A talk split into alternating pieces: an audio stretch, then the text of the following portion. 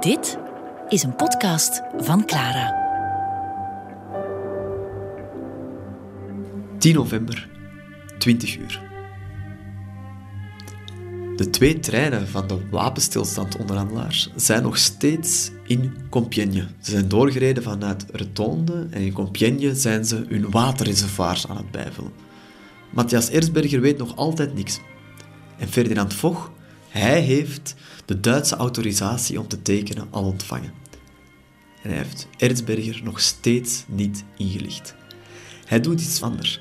Hij verrast vriend en vijand door een telegram de wereld in te sturen die zijn soldaten, zijn officieren inlicht dat morgen om 11 uur de wapenstilstand zou ingaan. Morgen is het gedaan, ondertekend Ferdinand Foch. Zijn naam staat in de geschiedenisboeken. Maar hij vertelt er wel niks over tegen Matthias Erzberger. Dat houdt hij nog altijd eventjes geheim. Maar je moet je dat voorstellen.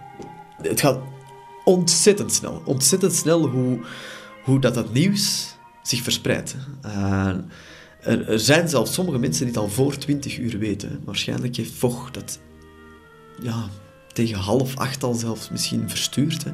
En het wordt verspreid onder de troepen en al snel komt dat ook bij de burgers. En overal in het, bevrijde gebied hè, beginnen er ook feesten los te barsten. En een van die feesten die, die barst los in, uh, in Kortrijk. En daar is er een, een, een vrouw, Marguerite Guillot, en uh, zij schrijft hoe dat plotseling de rust en de stilte, want ja, dat gebied was al bevrijd, doorbroken werd. Doorbroken door stoomfluiten van locomotieven.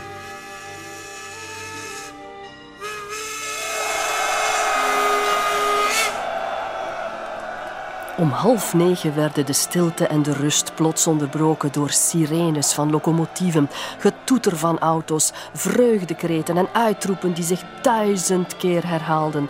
The war is over! De lucht lichtte overal op. Bengaals vuur en fusées kwamen van alle kanten. De bijaard speelde het volkslied en onze Engelse vrienden kwamen ons het goede nieuws vertellen. Duitsland had alle voorwaarden van de wapenstilstand, hoe vreselijk ook, aanvaard. Het was geen vreugde dat dit nieuws opriep, het was het delirium. Buiten op de pleinen dansten burgers en soldaten in het rond. Alles wat de Duitsers eerder hadden aangeplakt of gebouwd, zoals de kiosk, belandde op een groot vreugdevuur. En binnen was het rustige geluk niet minder intens. Een fles champagne van 30 jaar oud werd bovengehaald ter ere van de overwinning.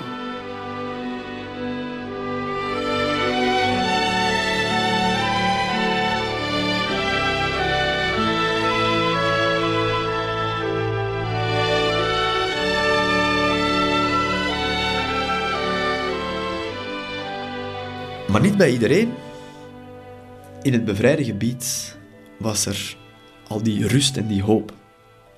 Een Britse soldaat, Thomas Dewing, was iets eerlijker in zijn dagboek. Hij schreef: Ik zal nooit vergeten hoe we in het communicatiecentrum te horen kregen dat de oorlog de volgende dag om 11 uur zou stoppen. Toch werden nog mannen in de strijd gestuurd, waarvan er sommigen zouden sterven. Dat was iets afgrijselijks. Ze hadden toen moeten stoppen.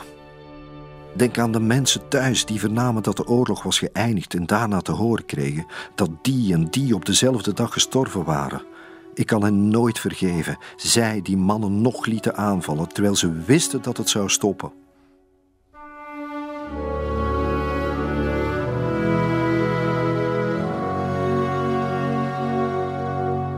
In de laatste uren kan je ook honderd jaar later niet argumenteren dat ja, mensen nog moesten sterven omdat per se pas om 11 uur de oorlog gedaan zou zijn. Je kan niet argumenteren en je kan niet begrijpen hoe dan Ferdinand Foch nog altijd zijn, tegenhanger, de Matthias Erdberger, de Duitse onderhandelaar, niet heeft ingelicht dat hij kan tekenen. Ferdinand Foch wil gewoon het onderste uit de kan halen. Hij wil ervoor zorgen dat Matthias Erzberger pas op het einde te horen krijgt dat hij mag ondertekenen en dat er dan geen tijd en mogelijkheden zijn om nog te onderhandelen over de voorwaarden. Ferdinand Foch wil tot het laatst ervoor zorgen dat Frankrijk en natuurlijk ook de andere geallieerde landen de overwinning krijgen. Het is moeilijk te geloven, maar iets na 20 uur komen sommige mensen in Gent, het omsingelde en geïsoleerde Gent, te weten dat de Duitsers de voorwaarden van de wapenstilstand hebben aanvaard. Dus ook zij horen Foch's boodschap. En een van hen is Virginie Loveling, misschien wel een van de bekendste Gentse schrijfsters. Ook zij had een dagboek bijgehouden gedurende de oorlog en ze beleeft die laatste oorlogsnacht. Natuurlijk, die avondklok was nog ingesteld en Virginie Loveling beschrijft in haar dagboek hoe dat ze van achter haar venster ziet en hoe dat de laatste Duitsers hun zakken pakken, hoe dat ze in paniek vertrekken en dat ze met vrachtwagens wegrijden. En ondertussen weet ze dat de oorlog gedaan gaat zijn. Iedereen lijkt dat te weten. En stilletjes aan beginnen mensen naar buiten te komen. Nieuwsgierigen. De avondklok wordt doorbroken. Maar het blijft nog opvallend rustig. Nog heel veel mensen zijn angstig en terecht, want er zijn nog een paar achterhoedes van de Duitsers aanwezig in het Gentse centrum. Voor de Belgische militairen die rondom Gent zaten, ja, was die avond heel veel anders. Zij horen ook over het oorlogseinde, maar zij weten ook dat de volgende dag de zogenaamde D-Day was. Dan gingen ze Gent innemen. Dan gingen ze de Schelde oversteken. Dan gingen ze het kanaal Gent-Terneuzen oversteken. En ze wisten dat er nog slachtoffers gingen vallen.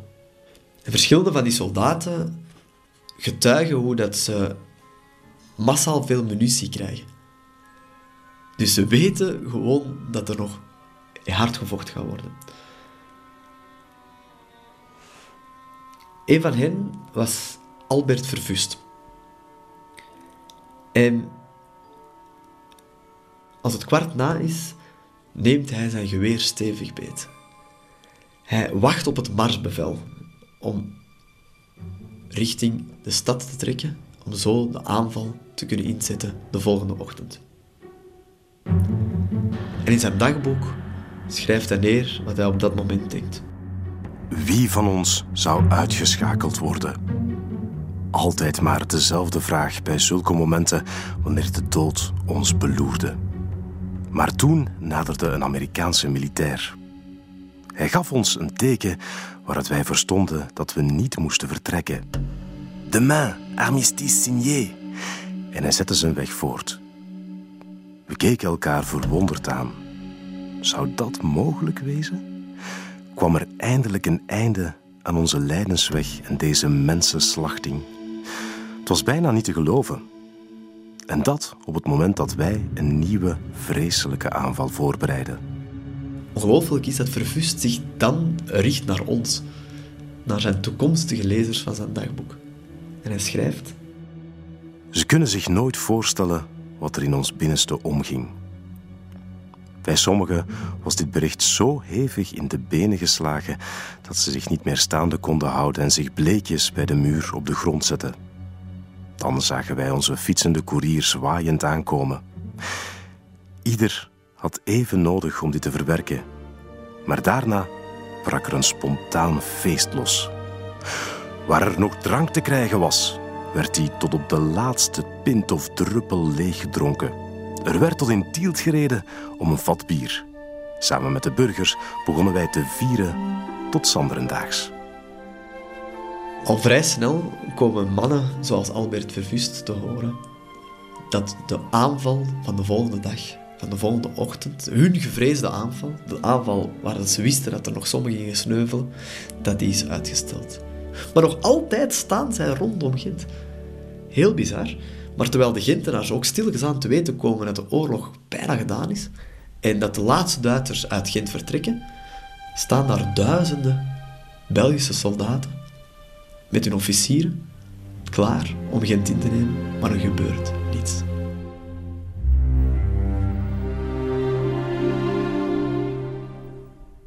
enorm pakkende getuigenis vond ik die van Florent van den Bergen.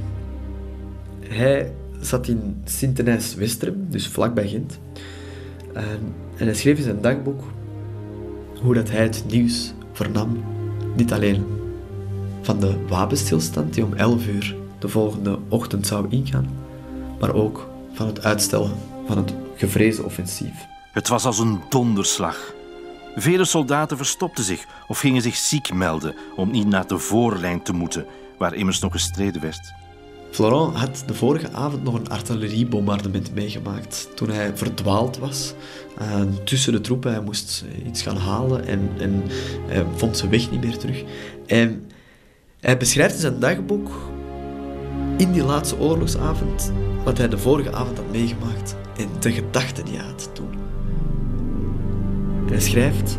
Wat er dan in een man omgaat, is niet te beschrijven. Op onbekende wegen, gedurig in het bombardement, de vrees gekwetst of gedood te worden, het deed mij wenen. Hier zonder hulp, zonder aalmoezenier. Ik bad veel om toch nog die enkele uren vrij te blijven van wonden, gezien ik er reeds van begin december 1914 in zat. Iedere obus die in de nabijheid ontplofte, deed mij huiveren. En gedurig had ik mijn uurwerk in de hand. Minuten duurden uren.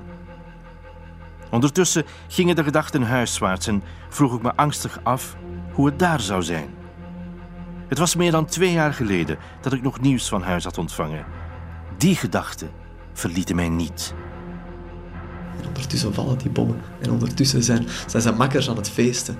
Met de bevolking aan het drinken. En Gent ligt daar in de duisternis. Mensen allemaal thuis. En iedereen wacht tot er iets gebeurt. In Antwerpen was de revolutie compleet. Niet alleen was er op het Statieplein aan het Centraal Station de revolutie uitgeroepen. De soldatenraad had de macht gegrepen. Overal waren officieren ontdaan van hun uh, insignes. Uh, en de matrozen en de gewone soldaten, die, die hadden de straat in handen. En de Antwerpse schrijver René Vermanderen is nog altijd de stoet van de soldaten aan het volgen.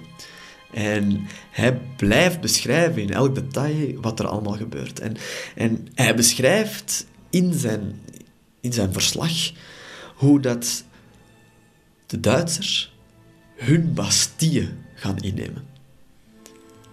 Want die, die Duitse stoet, met, met Antwerpse sympathisanten erbij en, gewoon nieuwsgierige burgers, die zijn in de richting van de Begijnenstraat aan het wandelen. En uh, de Begijnenstraat, uiteraard de gevangenis. De stadsgevangenis, uh, net zoals de Bastille van de Franse Revolutie, de stadsgevangenis, die misschien wel symbool stond, dit keer voor de Duitse militaire macht, toen natuurlijk voor de vorstelijke macht. En in de Begijnenstraat komen die Duitse troepen eraan en zij beginnen ja, eigenlijk een bestorming van hun Bastille. En René Vermanderen in zijn enorm gedetailleerde stijl beschrijft het als geen ander. En nu zou de revolutie haar glanspunt bereiken. Haar Bastille innemen. Het leek wel spontaan dat de massa voor het gevang samengekomen was. Een vrachtwagen met een zogenaamd uitvoerend comité kwam aangereden. Het was een ware uitboezeming van geestdrift. Zelfs de burgers juichten mee. De revolutionairen hadden achterop de vrachtwagen een planken podium geïnstalleerd waarop een marinier stond die een groot vuil stuk rood doek aan een stok gebonden vasthield. Het nieuwe regime verwaarloosde nog decor, nog figuratie. De vrachtwagen reed tot aan de gevangenispoort. Een gewapende soldaat sprong eruit en dwong de poortbewaker om zijn geweer af te geven. Dan belde hij aan de ijzeren schutsdeur, maar niemand deed open. De revolutionairen haalden een grote ladder bij de overbuur en gebruikten hem als stormram. Toen de poort het begaf, steeg een jubelend geroep op.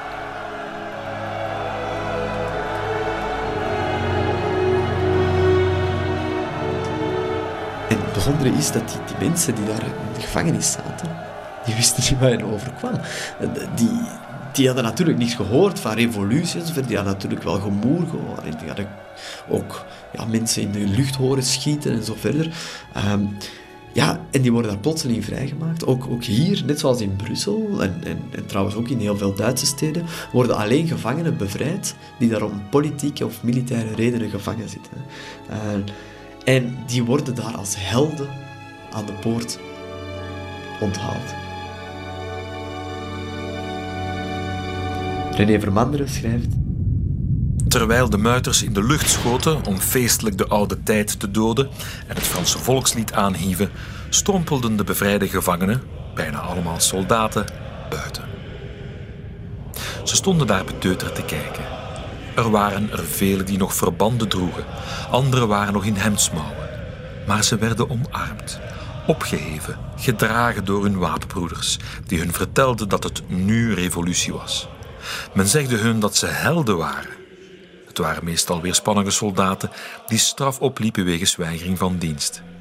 Eindelijk geloofden ze het. Ze huilden maar mee terwijl revolverschoten weer klonken. Een van de soldaten aan wie ik vroeg hoeveel gevangenen zij meevoerden, gaf mij 600 ten antwoord. Een tweede deed er 250 af. Ook burgers kwamen mee buiten, maar geen enkele gevangene van gewoon recht. De revolutie hield haar handen rein en zag het verschil tussen een bandiet en iemand die maar tegen het Duits krijgsstrafrecht had gezondigd. Bizar genoeg zijn er zelfs een paar die weigeren de gevangenis te verlaten. Zij wilden gewoon in hun dingen, in hun, ja, René Vermanderen beschrijft als zij willen in hun prison blijven, omdat ze schrik hebben dat ze aan de poort zouden worden afgeslacht uh, door een revolutionaire, chaotische bende, terwijl het eigenlijk bevrijders waren.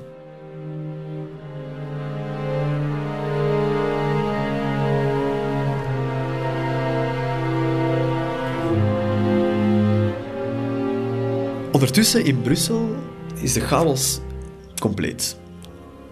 De Duitsers hebben de macht gegrepen, de Duitse gewone soldaten zijn aan het muiten te slaan, de revolutie is uitgeroepen, de soldatenraad is aan de macht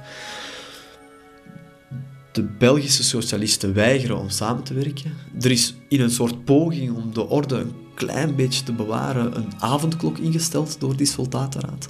Maar eigenlijk weet niemand waaraf en waaraan. Buiten één persoon. Misschien wel een van de meest bizarre figuren van heel de Eerste Wereldoorlog. Een zakenman. Een Brusselse bankier. Emile Franqui. Had tijdens de oorlog de leiding gekregen over het Nationaal Hulp- en Voedingscomité. Dat was een organisatie die eigenlijk de hulpgoederen die jarenlang door Amerikanen, Nederlanders, Spanjaarden en zo verder werden verzameld om de bezette Belgen te helpen van de hongersnood. En die organisatie van Emile Franqui die verspreidde die hulpgoederen over het bezette België. Maar dat gaf hem heel veel macht.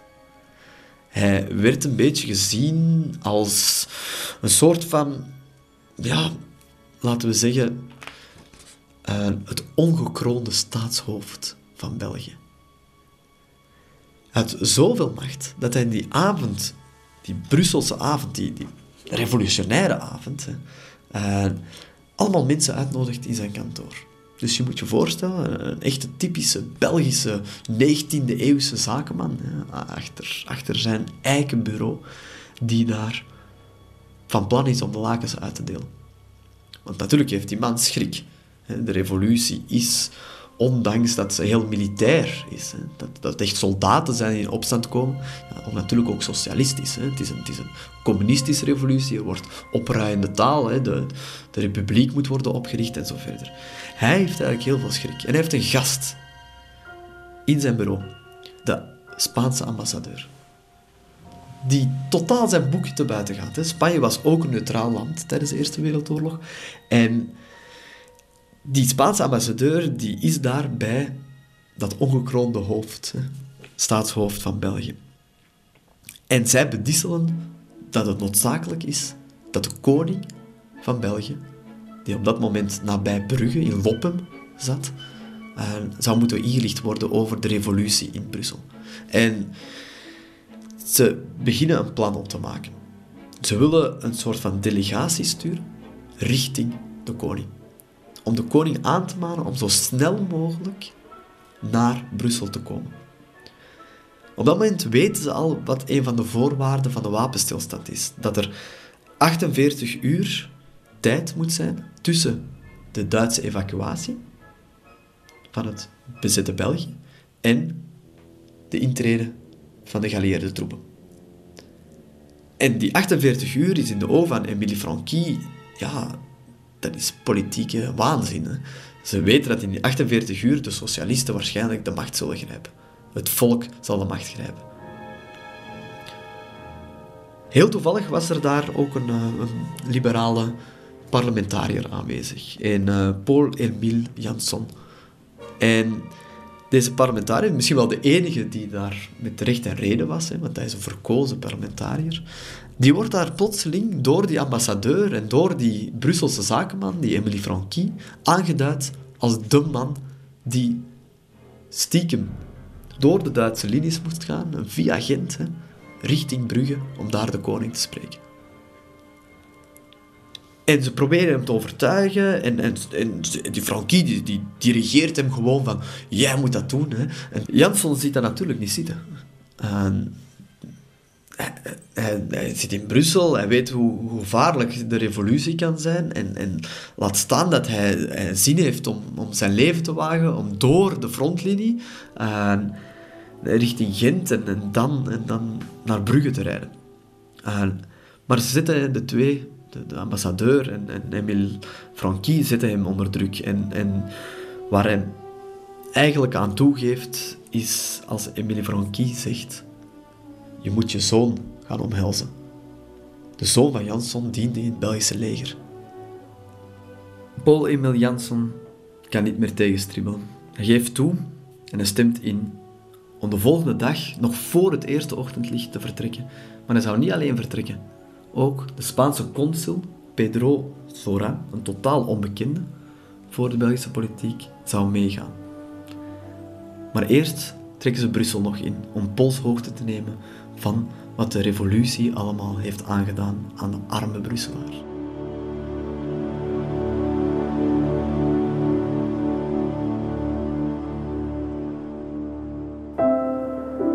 Ontdek ook onze andere podcasts via clara.be. Clara Podcast. Blijf verwonderd.